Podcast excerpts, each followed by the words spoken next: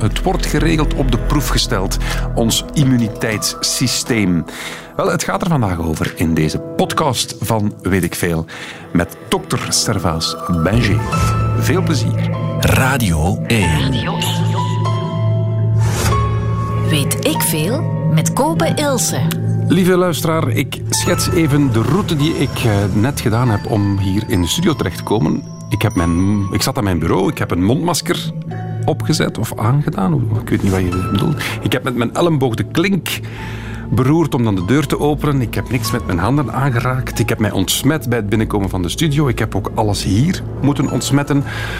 Want er zou toch maar eens van alles aan mij moeten blijven plakken en ik zou toch maar eens ziek kunnen worden. Bij mij zit dokter Servaas Benjé, auteur van het boek Immuun, blijf gezond, bewaak je weerstand. Dokter Servaas, heb ik nu overdreven?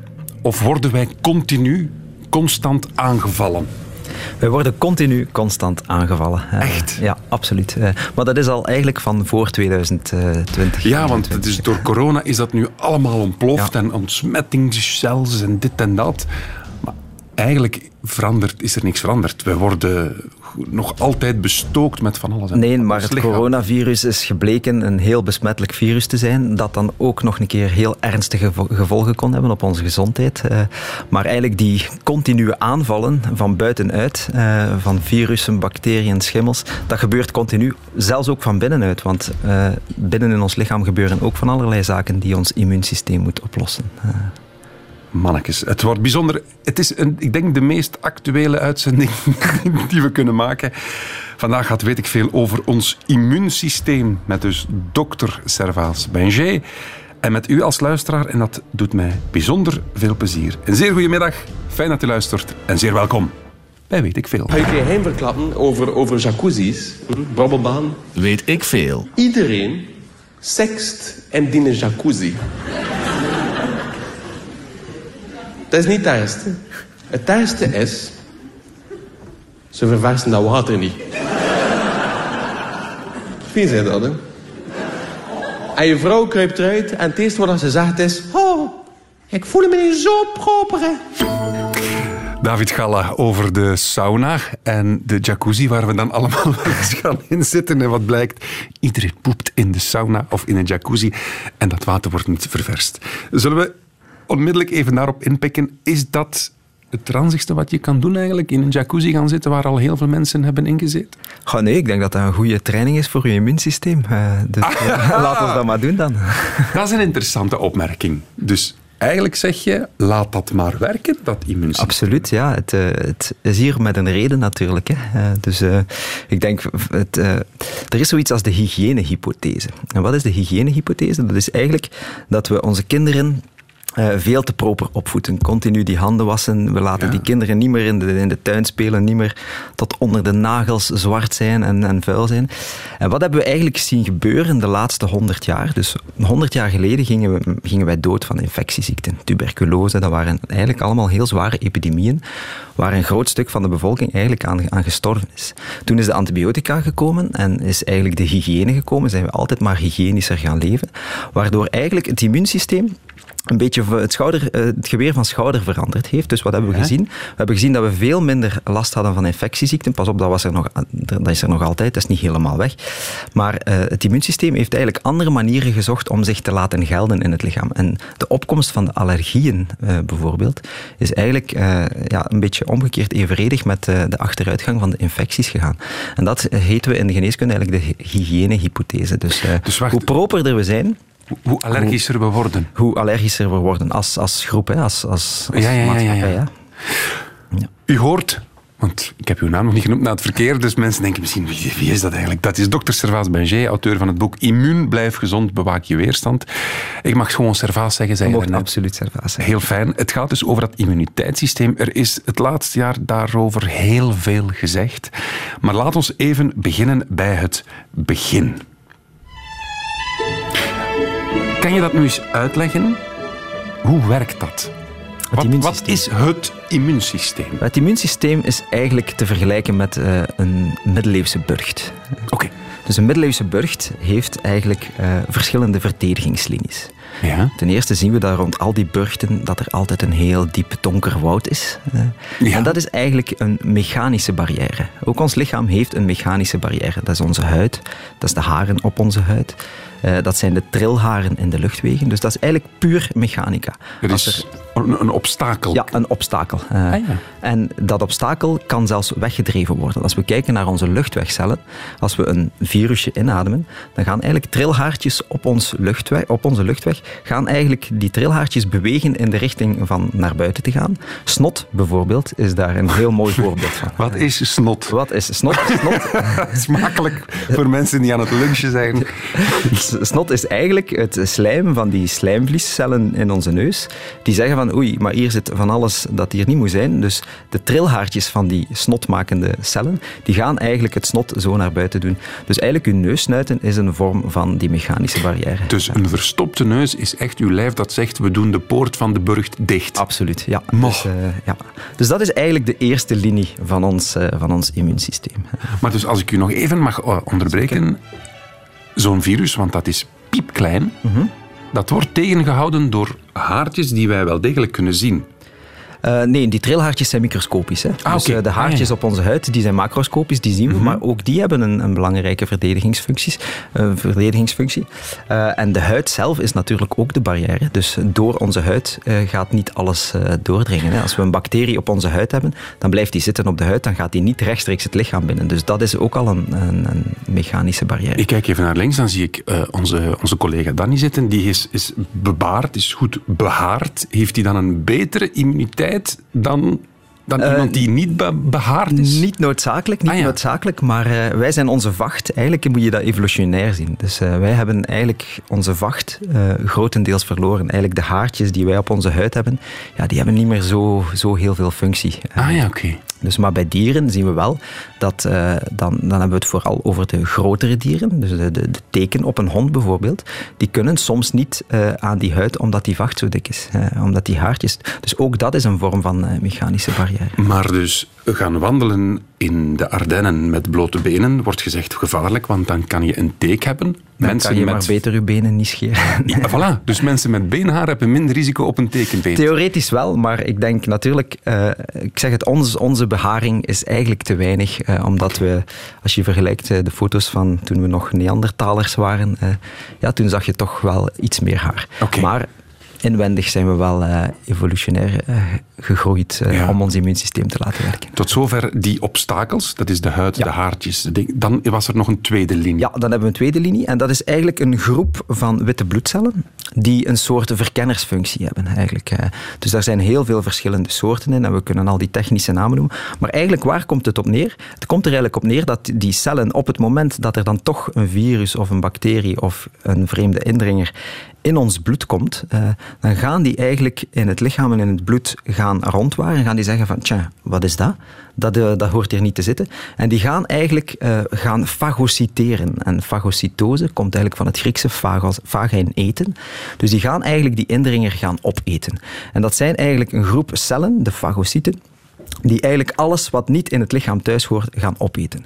Niet alleen opeten, want op het moment dat ze dat dan opgegeten hebben, gaan ze dat eigenlijk ook een stukje gaan analyseren. Dus die verkenners gaan hup, opeten, gaan analyseren en gaan dan herkennen van kijk, dit deeltje, dit deeltje, dat is interessant om aan ons immuunsysteem te gaan presenteren. Dus met een wetenschappelijke term noemen we dat de antigeen presenterende cellen. Ja? En dan kan ons immuunsysteem een heel gerichte reactie op dat speciale deeltje. Dus zo herkennen we eigenlijk ook wat Ja. er dan eigenlijk in ons lichaam terecht Maar wacht, want je zit al in het bloed, hè? Dus de eerste barrière is die huid. Is, Ja. Maar we, we gaan ervan uit, iets geraakt toch binnen via een wonde in de huid, onmiddellijk in het bloed. onmiddellijk in het bloed of via de luchtweg. eh, Ah ja, dus ik gaat adem iets in, Ja, via dat de longen in. gaat gaat het... eigenlijk via de cellen van de luchtweg, kan dat, eh, kan het eigenlijk ook eh, in de cellen terechtkomen. Laat ons de actualiteit nemen, dat coronavirus. Ja, dus ik dus- sta in de lift met iemand die hoest, die, die niest, En die besmet is.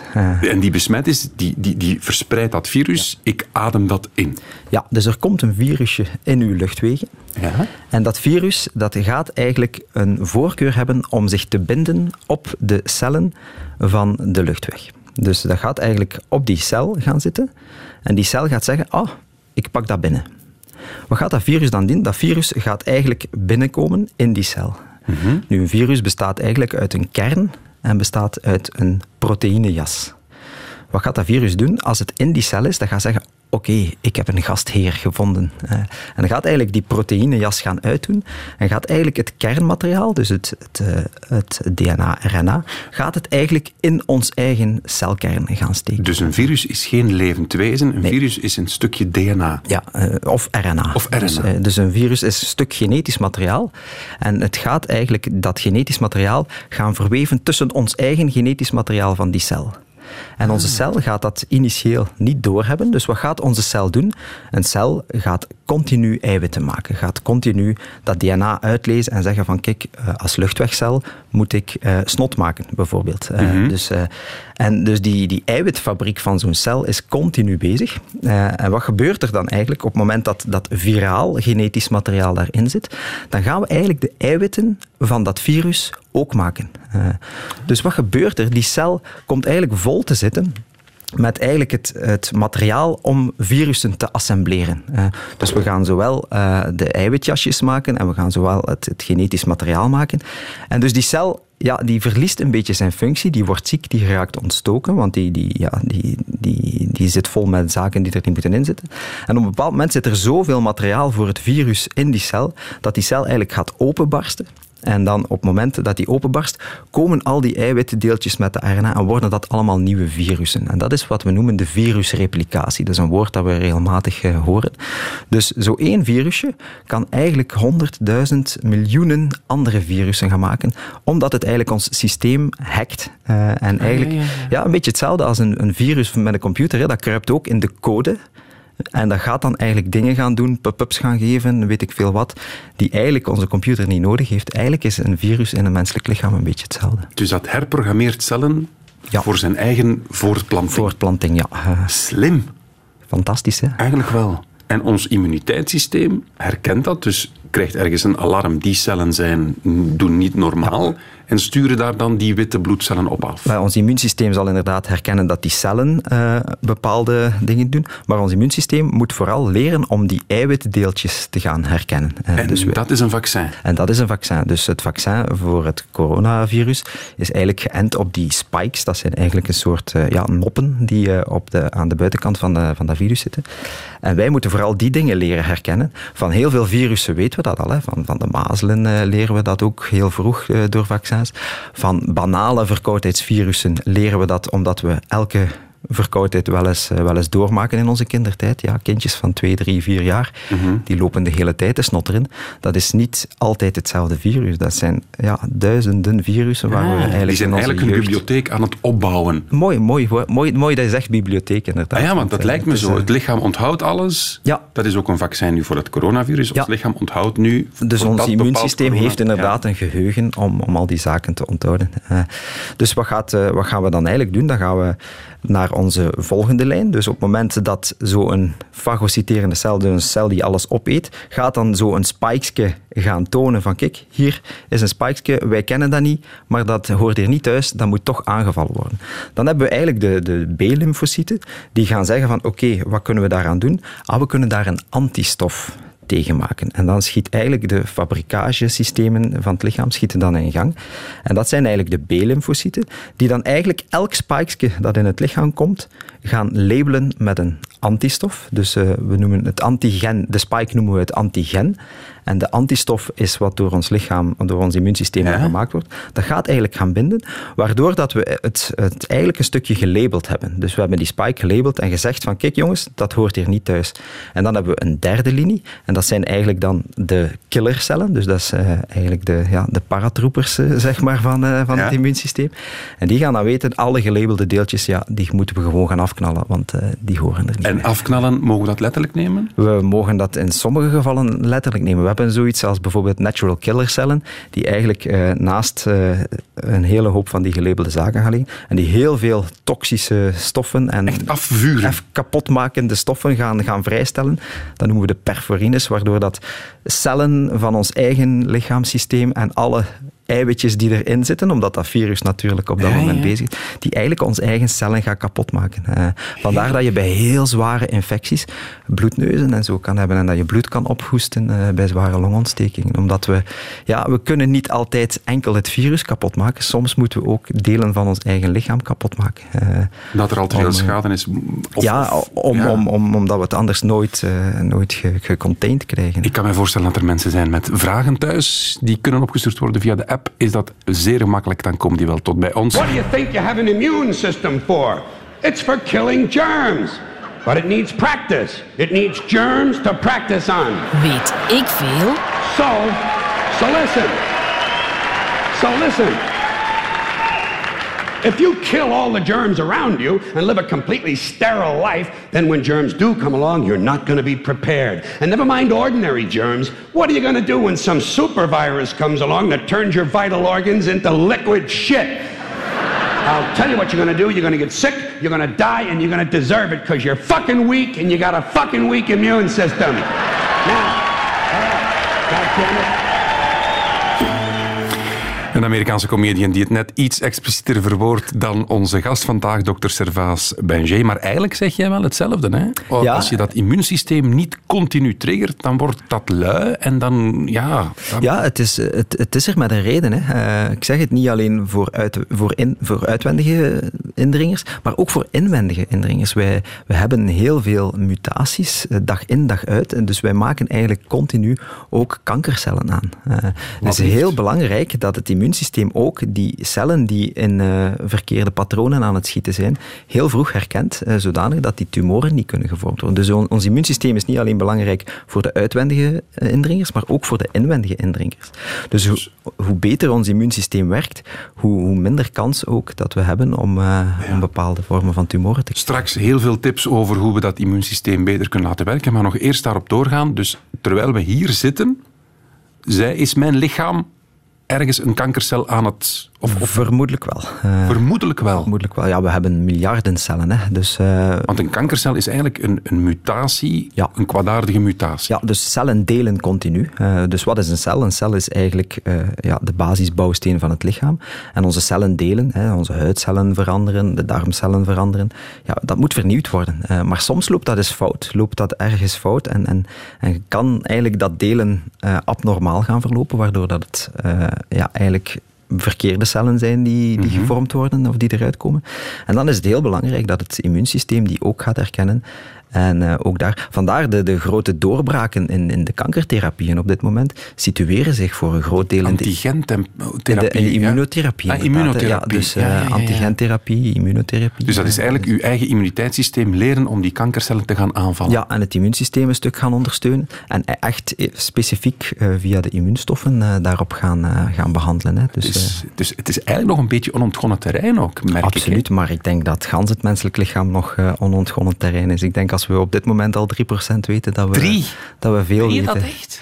Ja, we gaan, we gaan altijd kleiner. eh, en eh, je, je ziet dat eigenlijk in alle wetenschappen. Hè. Dus we, we, we zijn begonnen met, eh, ja, met de macroscopie, de anatomie, de fysiologie. Vesalius in de tijd, die heeft Ja. Op het kerkhof een lijk gestolen en eh, de, het opengesneden om te weten, ah, dat is een maag. Eh, dus dan, dan zaten we op dat niveau. Dat weten we Ja, ondertussen. dat weten we ondertussen wat een maag is. Eh, en, en je ziet eigenlijk die evolutie altijd maar kleiner en kleiner worden. Dan komt de chemie, de fysica erbij, dan komt de, de, de biochemie erbij, de processen van het lichaam, hoe verwerkt ons lichaam suiker enzovoort. De volgende stap is de moleculaire biologie, dat is eigenlijk de, ja, de, de receptoren. Dan gaan we op genetisch niveau, dus we gaan altijd maar kleiner. En als je dan kijkt hoe het in de fysica verloopt, daar zitten we ondertussen op niveau van de kwantumfysica en eigenlijk de, de frequenties en de, en de trillingen en de supersnaartheorie. En Ja. Ik ben absoluut geen expert daarin. Maar, maar dus, dus we kunnen eigenlijk altijd maar kleiner gaan, waardoor dat we volgens mij nog heel veel nieuwe dingen kunnen leren. Het zal misschien niet in ons leven zijn, maar eh, de toekomst... eh, Interessant allemaal. Eh, een paar vragen van luisteraars. Waarvoor dank. Stuur die zeker door via de app. Ehm, iemand stuurt als een virus, want dat hebben we geleerd, een virus is geen levend wezen. Het is een stukje RNA, DNA, Ja. proteïne. Als een virus geen levend wezen is, waarom plant het zich dan voort? Ja, dat is... eh, Zeer interessante vraag. Ik vind dat ook een zeer interessante vraag. En daar wordt eigenlijk al heel lang wetenschappelijk debat, over gevoerd. eh, waarbij dat men dat een groep heeft die zegt van ja, het is een levend wezen, want, want het plant zich voort. Of nee, het is geen levend wezen, want het heeft eigenlijk geen enkele functie. Het antwoord daarop kan ik, kan ik eigenlijk niet geven. Dus eh, ik, ik, ik weet het ook niet. Moest ik het weten, dan zou ik er een artikel over schrijven en dan zou dat in Nature verschijnen. Want een bacterie is heel simpel, dat is een levend wezen, dat wil zijn eigen soort een- in stand houden. Dat is een cel, inderdaad. Dat is een Dus, cel, eh, en, voilà. en dat heeft als, voortplanting, eh, als doel voortplanting om inderdaad Ja. de soort in stand te houden en te evolueren natuurlijk ook.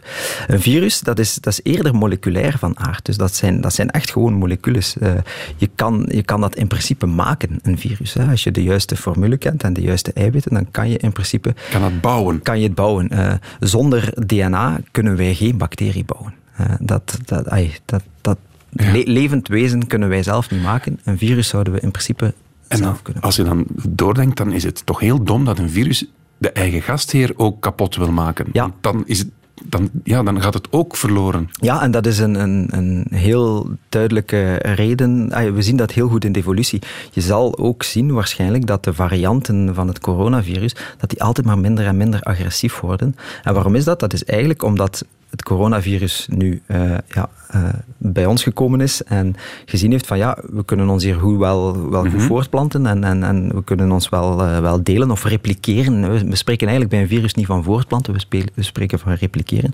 Maar onze gastheren gaan allemaal dood. Eh, dus die varianten zullen waarschijnlijk minder agressief worden, waardoor het eigenlijk zal evolueren naar een, een banaal verkoudheidsvirus. Wij gaan nog weten dat het zoals de griepprik is, de coronaprik. ik weet niet of dat wij dat nog gaan weten, maar dat, eh, ja, die, kans, die kans is vrij reëel. Ja.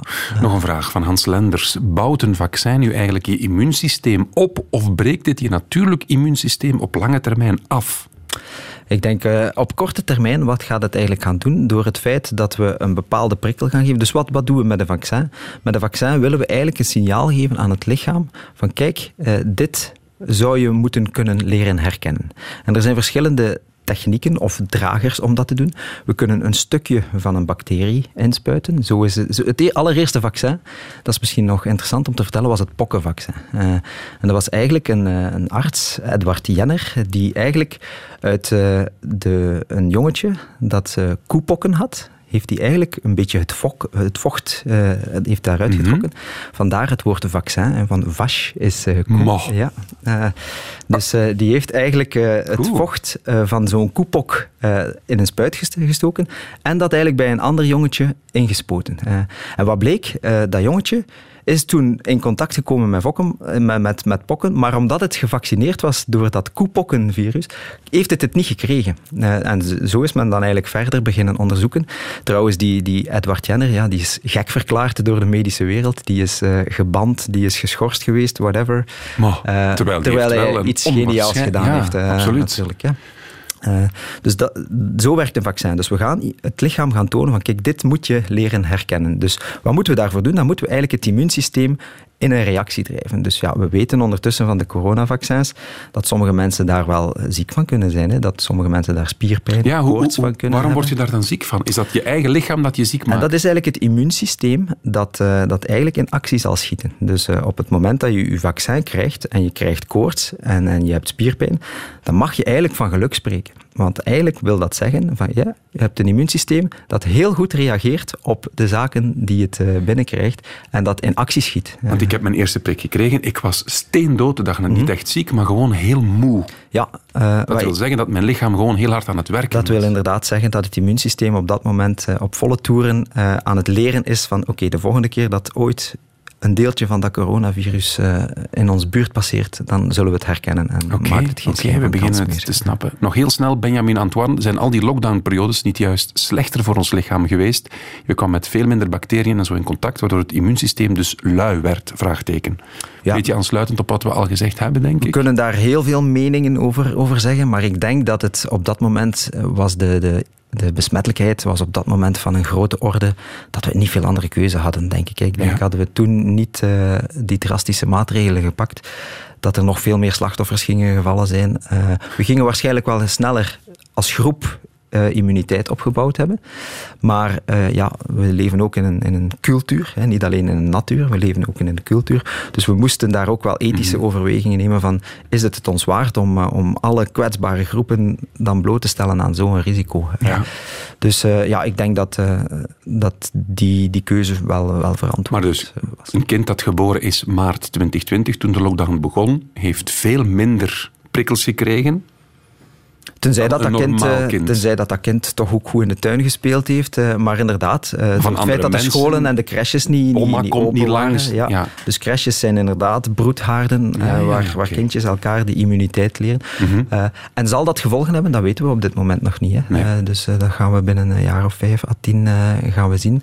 Of het effectief, of het immuunsysteem minder gevormd is bij de coronababies. Everybody's running around scrubbing this and spraying that and overcooking their food and repeatedly washing their hands, trying to avoid all contact with germs. It's ridiculous and it goes to ridiculous lengths. In prisons, before they give you a lethal injection, they swab your arm with alcohol. Weet ik veel? It's true. Goeieke. Klopt, hè? Ja, klopt. Eh, al- is eh, tegenwoordig eh, de, de policy dat eigenlijk voor, voor bloedafnames of zo te doen, of voor vaccins te geven, hoef je theoretisch niet, niet meer te ontsmetten, omdat het, het infectierisico eigenlijk het- verwaarloosbaar is. Nu het zegt, ik denk niet dat ik ontsmet ben Nee. bij mijn vaccinatie. Nu het zegt, ja. Ja, als ik studeerde was dat wel de, de policy, maar tegenwoordig hoeft dat niet meer. Alright, oké. Ehm, interessante vraag. Eh, Wenst anoniem te blijven. Ehm, het feit dat het vaccin tegen corona zo snel gekomen is, wil dat niet zeggen dat we het gewoon uit de kast hebben moeten nemen? Wel, ik ben eh, deze week gaan, gaan eten met een eh, biotechnoloog Ja. die eh, gedoctoreerd is, ik denk 10, 12 jaar geleden. En die heeft haar doctoraat eigenlijk al gedaan over mRNA-vaccins. Eh, Dat zijn die vaccins Dat die... zijn het type vaccins. Dus wat, wat, hoe werkt het COVID-vaccin? Dat is eigenlijk een mRNA-vaccin. Dus we gaan eigenlijk eh, gaan in, we gaan niet zomaar een deeltje van het virus gaan presenteren aan het lichaam. Nee, we gaan effectief een stukje MR mRNA. De dus, code. Ja, we gaan de code gebruiken als drager. eh, En ons we immuniteitssysteem herkent die code en kan die nadien toepassen op het echte virus. ja, inderdaad. Ja. Dus, dus die techniek van, van vaccinaties, ook al was die nog niet echt groot geïmplementeerd in de geneeskunde, was wel al gekend en, en was, is ondertussen de voorbije tien jaar heel veel onderzocht. Eh, waar het grote voordeel eh, zich zit in het COVID-vaccin en de ontwikkeling daarvan, is dat men ja, zo in paniek was en zoiets had van oei, wat moeten we weer doen, want we, we kunnen allemaal ons kot niet meer uit, bij wijze van spreken. Dan heeft men eigenlijk de procedures administratief enorm vereenvoudigd. Waar vroeger voor aanvragen, omdat ja, de ontwikkeling van een vaccin verloopt via verschillende fases, fase 1, 2, 3 enzovoort. En ja, tussen die fases eh, zaten eh, uren of, of soms jaren eh, werk om procedures in te dienen, ethische commissies, weet ik veel. Maar eigenlijk is er een, een soort emergency procedure ontstaan, waardoor dat het administratief allemaal veel sneller gegaan is. Eh, men heeft nog altijd de juiste stappen genomen, men heeft nog altijd onafhankelijke boards gezet om, eh, om de veiligheid te garanderen en om te zien van ja, kunnen we dat inzetten op een grote groep mensen. Dus ik denk dat dat eigenlijk vrij correct verlopen is. Uh, maar het is gewoon veel sneller gegaan door administratieve vereenvoudiging. En, uh, het is niet zo dat dat eigenlijk al op het schap lag. Dat is een soort ik denk niet dat het zomaar op, ja, nee. Ik denk niet dat het zomaar op het schap lag. Uh, er zullen wel bepaalde elementen op het schap gelegen hebben. Want er zijn nog coronavirussen. Ja, hè? ja er zijn voilà. dus... coronavirussen zijn, ja, zijn zeer wijd verspreid. Ja. Dit is nu een variant die... Heel even korte vraag tussendoor. Dokter Servaas Benger, auteur van het, van het boek Immuun, blijf gezond, bewaak je weerstand. Borgrof en Lambrechts, u vindt dat wel. Ik uh, was op YouTube en wat blijkt, je kan je immuniteitssysteem boosten met dit. Muziek. Ja. Dit is een YouTube-clip van 12 uur. en blijkbaar als je dit opzet, dan je immuniteitssysteem mm -hmm. wordt sterker. Klopt dat? Wel, om, om zwart op wit één op één te zeggen, klopt dat? Dat, dat kan ik niet zeggen. Maar wat we, wat we wel weten, is dat muziek bijvoorbeeld stress reduceert. Uh, en als er nu één ding heel slecht is voor het immuunsysteem, is het stress. Uh, ah, dus eigenlijk doordat we naar deze mooie muziek mm. luisteren, worden ja. we rustig, ver, ja. verlaagt ons stressniveau. Absoluut. En dat is dan wel beter voor ons Ja, komen we in de rusttoestand. Weet je? Het stresshormoon in het lichaam, cortisol. Je praat Eh, ook ineens ja, een stuk. Ja, ik Ja, vind het heel tof om, om Ja, zo'n soundscape te Ja, ja, ja. Het stresshormoon in het lichaam, cortisol, dat kennen we allemaal, want we kennen allemaal de term cortisone. Wanneer krijgt iemand cortisone in de geneeskunde? Die krijgt eigenlijk cortisone op het moment dat hij bijvoorbeeld een auto-immuunaandoening heeft. Dus mensen met reuma, mensen met lupus, eh, zijn voorbeelden van auto-immuunaandoeningen waar we eigenlijk als behandeling cortisone geven. En wat doet cortisone? Cortisone onderdrukt eigenlijk het immuunsysteem. Onderdrukt? Dus, ja, en cortisone is eigenlijk de farmaceutische vorm van het stresshormoon dat we allemaal zelf maken. Als we stress hebben, dan produceren onze bijnieren cortisol. Dus op het moment dat wij continu in een toestand van chronische stress zitten, gaat dat cortisol-level in ons eigen lichaam verhogen, waardoor eigenlijk ons immuunsysteem een beetje zal gedeprimeerd worden. Dus de koortsblaas bij stress. Bijvoorbeeld, dat is... eh, Dat is het herpesvirus, ja, dacht ik. dus hè? het herpesvirus is een speciaal virus. Dat is een virus dat eigenlijk in de huidzenuwtjes blijft zitten. eh, en dat eigenlijk niks doet tot iemand oververmoeid is of overgestresseerd is. eh. dus wat gebeurt er als we te gestresseerd zijn? Dan gaat cortisol eigenlijk het immuunsysteem eh ietsje gaan onderdrukken, waardoor dat, dat herpesvirus kan, kan Is psoriasis denk ik ook al spontaan? Psoriasis is ook een auto-immuunaandoening. eh, dus dat eh, is ook een, eh, kunnen we ook stilleggen met, met die farmaceutische, vormen, farmaceutische vormen. Maar er zijn, ja, er zijn heel veel auto-immuunaandoeningen. dus dat immuunsysteem is zodanig complex. Daar zitten zodanig veel boodschapperstofjes. Daar zitten zodanig veel elementen die, die moeten juist zitten. Ja, daar kan af en toe wel eens iets fout lopen. Eh, hebben we alles in de hand wat kan fout lopen? Nee. Eh, hebben we veel in de hand? Dat denk ik wel. Wel, dat sluit aan bij wat Ruben Wensing stuurt via de app. Waarom is er meer aandacht voor het laten vaccineren dan voor het gezonder maken van ons afweersysteem? Heeft hij daar geen punt? Hij heeft daar volgens mij zeker een punt. Eh, en dan denk ik dat het eh, gezonder maken van ons afweersysteem eigenlijk een beetje een algemene beweging is. Dat we misschien toch iets meer aandacht moeten hebben voor onze levensstijl. Eh, dat klinkt niet sexy, ik weet het. Eh, Niet beginnen preken. maar nee, nee, ik ga niet beginnen preken, maar je ziet wel dat, dat het eigenlijk niet in onze cultuur zit om gezond te leven. Eigenlijk, eh, de, we- leven nog altijd in een cultuur waar we ongezonde broodjes eten, waar, Overdaad. eh, overdaad, eh, te veel alcohol. Ik wil zeker niet de pastoor zijn, want ik, ik leef zelf ook heel graag. Ja, ja. Maar, maar je ziet eigenlijk dat de gezonde levensstijl.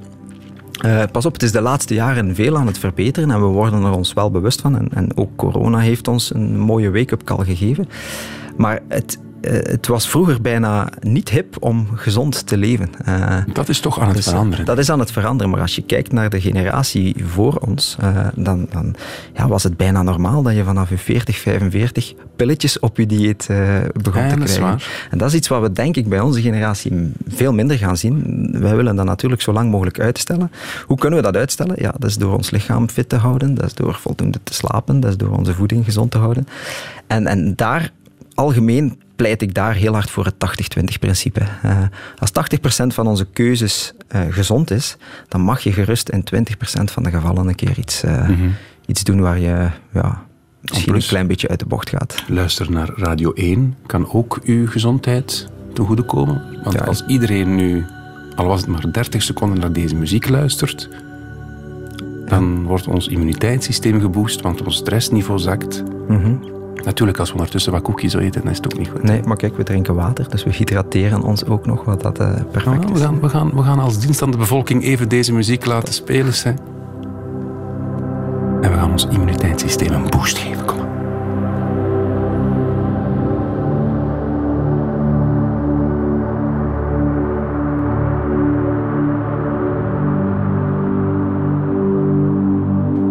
En dit allemaal met uw belastingsgeld, dames en heren. Dus het, is, het, komt terug, het komt allemaal terug naar u. Dokter, ik ga het even minder sexy maken. Want blijkbaar bepaalt onze kaka heel hard ons immuniteitssysteem. Ja, de kaka is het eindpunt eigenlijk. Hè. Dus wat gebeurt er als we iets eten? Dan eh, gaat dat eigenlijk doorheen ons spijsverteringskanaal naar de kaka. En ons spijsverteringskanaal is eigenlijk de, het grootste contactoppervlak met de buitenwereld. Dus ik had het daar juist over de mechanische barrières, over de huid en Ja. over de luchtwegcellen. Wat ik daar niet vermeld heb, is eh, eigenlijk de darm. De darm En we hebben wel wat darmen. en we hebben eh, ja, een eh, paar meter darm. Ja.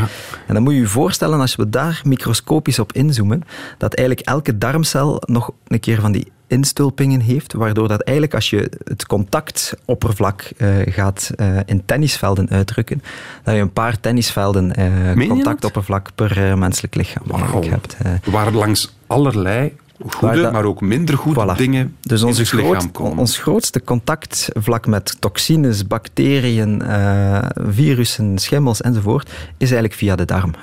Vandaar het belang van voeding. Voeding is nooit steriel, dus voeding bevat altijd eh, van die kiemen. Dus dat we ons heel hard bewust moeten zijn van hoe kunnen we dat systeem zo gezond mogelijk houden.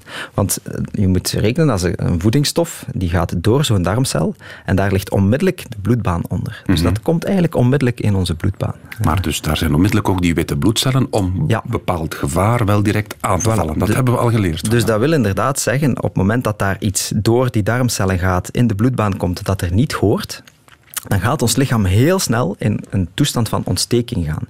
Een lichaam dat in een toestand van chronische ontsteking gaat, wordt ongezonder, heeft meer kans op obesitas, enzovoort, enzovoort, enzovoort. Dus dat is een heel belangrijk Wacht, me- mechanisme. eh, Sorry dat ik je onderbreek, maar een ontsteking is voor mij iets waar etter uitkomt. Dat is toch een ontsteking? Dat, dat Ja. heb je ook dan aan je darmen. Ja, dus wat is een ontsteking? Een muggenbeet bijvoorbeeld. hè. Er is een mug die u prikt eh, en dat wordt een rode bult. Ja, Eh, dat is een ontsteking. Eigenlijk is dat het prototype van ontsteking. Dus ontsteking heeft eh, een paar kenmerken. Warmte, roodheid, zwelling en pijn. Dat zijn eigenlijk de vier kenmerken van ontsteking. Niet pus.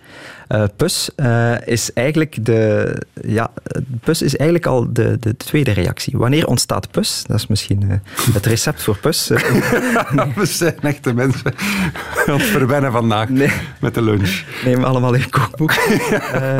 Nee, eigenlijk wanneer, wanneer ontstaat pus? Dat is als er een bepaalde kiem is en de witte bloedcellen gaan daar naartoe. Witte bloedcellen gaan zeggen, die kiem hoort hier niet te zitten, die gaan die gaan opeten. En de afvalstoffen van het opeten van die kiem, dus eigenlijk, ja, laat ons zeggen, de, de stoelgang van de witte bloedcellen, dat is eigenlijk pus. Dus pus is het afbraakproduct van eh, een witte bloedcel die Dus eh, als we in gang geschoten is. Een puist hebben waar al een witte kop op staat, dat wil zeggen dat die eigenlijk aan het genezen is. Ja, Of- dat zit vol met witte bloedcellen, dus dat is een ontsteking. Dus eh, wa- wat is een ontsteking? Naar een ontsteking gaan witte bloedcellen, omdat die dat willen opruimen.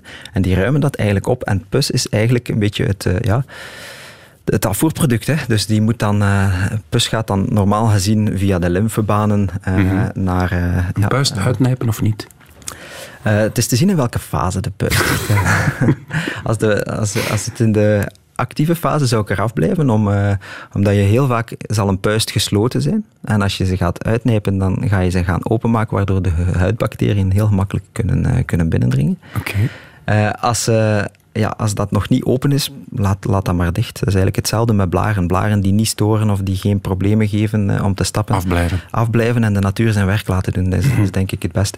Stoort ze of hindert ze? Of is die puist echt eh, ja, niet om aan te zien? eh, dan eh, kan je altijd kiezen om eh, te evacueren, zeggen we in de geneeskunde. Even terug naar de darmen, want we zijn wat afgeweken van de darm naar het gezicht. Het is een kleine stap. Ehm, heel kort, want de tijd is beperkt, wat jammer is. Maar wat blijkt, in, jij komt uit een topsportmilieu. Je was dokter voor de teamploeg Lotto Soudal. Ja. Ehm, blijkbaar hebben wielrenners al een stoelgangtransplantatie gehad. Ja, ik weet niet of wielrenners dat al gehad hebben. Er is wel ooit in de, in de, in de topsport, zijn er heel veel, in, in sportgeneeskunde zijn er heel veel artikels eh, verschenen over bepaalde bacteriën die bijvoorbeeld melkzuur sneller zullen afbreken. En dan was de vraag van, zou het ethisch zijn om die bacteriën, of die, die, die bacteriën te gaan implanten bij topsporters? Ah, ja. Nu, stoelgangstransplantaties worden, worden al gebruikt in de gewone geneeskunde. We hebben een vorm van heel vervelende diarree door een bepaalde bacterie, door de Clostridium, die eigenlijk in, in de ziekenhuizen behandeld wordt met stoelgangstransplantaties. Dus de kracht van dat microbioom, want daar, daar gaat het eigenlijk om, de kracht van die darmflora. Dus we hebben anderhalve kilo bacteriën in onze buik zitten, die een heel belangrijke rol spelen. En zij zijn eigenlijk ook een stuk de, de, de, de, de, de shifters. Dus zij gaan eigenlijk onderscheid maken van ja, jullie mogen hier zitten in de darm, nee, jullie mogen niet. Dus dat is eigenlijk een beetje onze, onze natuurlijke, natuurlijke verdedigingsmechanisme. En natuurlijk, als je elke dag fastfood eet, dan ga je een andere samenstelling hebben van die darmflora dan als je elke dag heel plantaardig, vezelrijk eet. Want eigenlijk plantaardig eten, vezelrijk eten, dat geeft eigenlijk de juiste bodem om de juiste bacteriën te laten groeien. Ehm, Maar als ik actieve bifidus eet bij mijn yoghurtjes morgens, is het ook allemaal goed volgens de reclame. Hè? Ja, maar we hebben ongeveer eh, een paar duizend stammen in onze darm. En eh, als één stammetje zal niet altijd het verschil maken. Pas op, het, is, het kan zeker een goede toevoeging zijn. En bifidus heeft, heeft, goede, heeft zeker goede eigenschappen. Maar ik denk de, de beste manier op dit moment om je microbioom optimaal te laten, eh, te laten floreren, eigenlijk, eh, is heel plantaardig eten. Heel vezelrijk eten, want vezels zijn eigenlijk elementen die we niet kunnen verteren als mens. Dus die vezels gaan eigenlijk door onze darmkanaal. En die gaan daar eigenlijk zorgen voor een goede transit, waar, eh, dus een goede doorgang, waardoor dat we makkelijk naar het toilet kunnen. En die gaan eigenlijk een heel goede voedingsbodem gaan, eh, gaan creëren. En dat is dan ook weer goed voor, en daar gaat het vandaag over, het immuniteitssysteem. Absoluut, want eh, de, de, ons immuunsysteem gaat ten eerste met onze eigen bacteriën ook heel veel aan de slag moeten gaan. Hè. Als dat de goede zijn, kan ons immuunsysteem eh, daarvan leren en in een goede samenwerking mee gaan. Als dat de slechte zijn, ja, dan vraagt dat al heel veel van het immuunsysteem, waardoor dat eigenlijk het immuunsysteem minder inzetbaar is voor als er dan echt een probleem is. Eh, Wauw. We hebben ongelooflijk veel bijgeleerd. Nog heel snel een paar korte tips. Vitamine D is blijkbaar ook een essentieel ding voor uw immuniteitssysteem. In De zon. Niet alleen voor het, voor het immuunsysteem, maar voor alles. Hè. Eh, Dus eh, vitamine D is voor zoveel lichaamsprocessen een, een messenger of een, eh, een bepaalde stof. Die, die... Dus vitamine D halen we uit de zon. Alleen in onze streken halen we dat eigenlijk net iets te weinig uit de zon. De UV-index is hier vaak te laag. Eh, en eigenlijk zou je dan moeten blootgesteld worden. En dan ga je eigenlijk je risico op huidkanker weer vergroten. Eh, dus eh, het, is- het leven is altijd balans natuurlijk. Vitamine D halen we ook uit, uit noten en zaden, uit vette vis en zo. Vitamine D-tekorten zijn zeer frequent. Dat zien we heel vaak in de praktijk terug bij bloedafnames, dat die vitamine D-waardes te laag zijn. En dan is het eigenlijk wel een goed idee om dat te gaan supplementeren. En dan heb je nog, maar daar hebben we jammer nog geen tijd voor, omega-3, zink, vitamine C. Het, het- ja, ja, we- Ja. ik maak al een paar seizoenen van overeten. Het is eigenlijk altijd hetzelfde. Ja. Eet gezond en, en het is goed voor heel je lichaam, zelfs voor je immuniteitssysteem, zoals vandaag besproken. In Weet ik Veel en heb ik goed geluisterd. Weet ik veel. Dat is nu de vraag natuurlijk. Dokter, we hebben nog 50 seconden voor een korte quiz. Oké. Laat maar komen. Eh, Wat is de oorsprong van de term vaccin? Ehm, die man, Bollinger of zoiets? Van Jenner, de, Jenner. Ja, Jenner, van, uit een koe gehaald. Ja. Van vache, vaccin, zoiets. Juist, zo. is het goed? Goed Top. zo. Vul aan. Hoe hygiënischer we leven, hoe meer vatbaar we zijn voor Infecties, eh, allergieën. allergieën. Jepla. Goed tof. Klopt het dat ons immuunsysteem zelf kankercellen aanmaakt? Eh, ja, daar schrok ik enorm van, want je zei tijdens deze uitzending is je lichaam waarschijnlijk kankercellen aan het produceren. Klopt. Klopt, hè? Ja. Nog een laatste? Wat is fagocytose? Goh, wat was het nu weer? Zeg het nog eens. Vagijn eten. Eigenlijk de cellen die vreemde indringers gaan Juist. opeten en dan aan ons immuunsysteem Dokter, je bent te slim voor mij. Dankjewel voor dit uurtje, weet ik veel. Radio 1. Weet ik veel? Dit is het einde van deze podcast van Weet ik Veel. Weet ik Veel is trouwens een programma van Radio 1. Op radio1.be vindt u nog veel meer.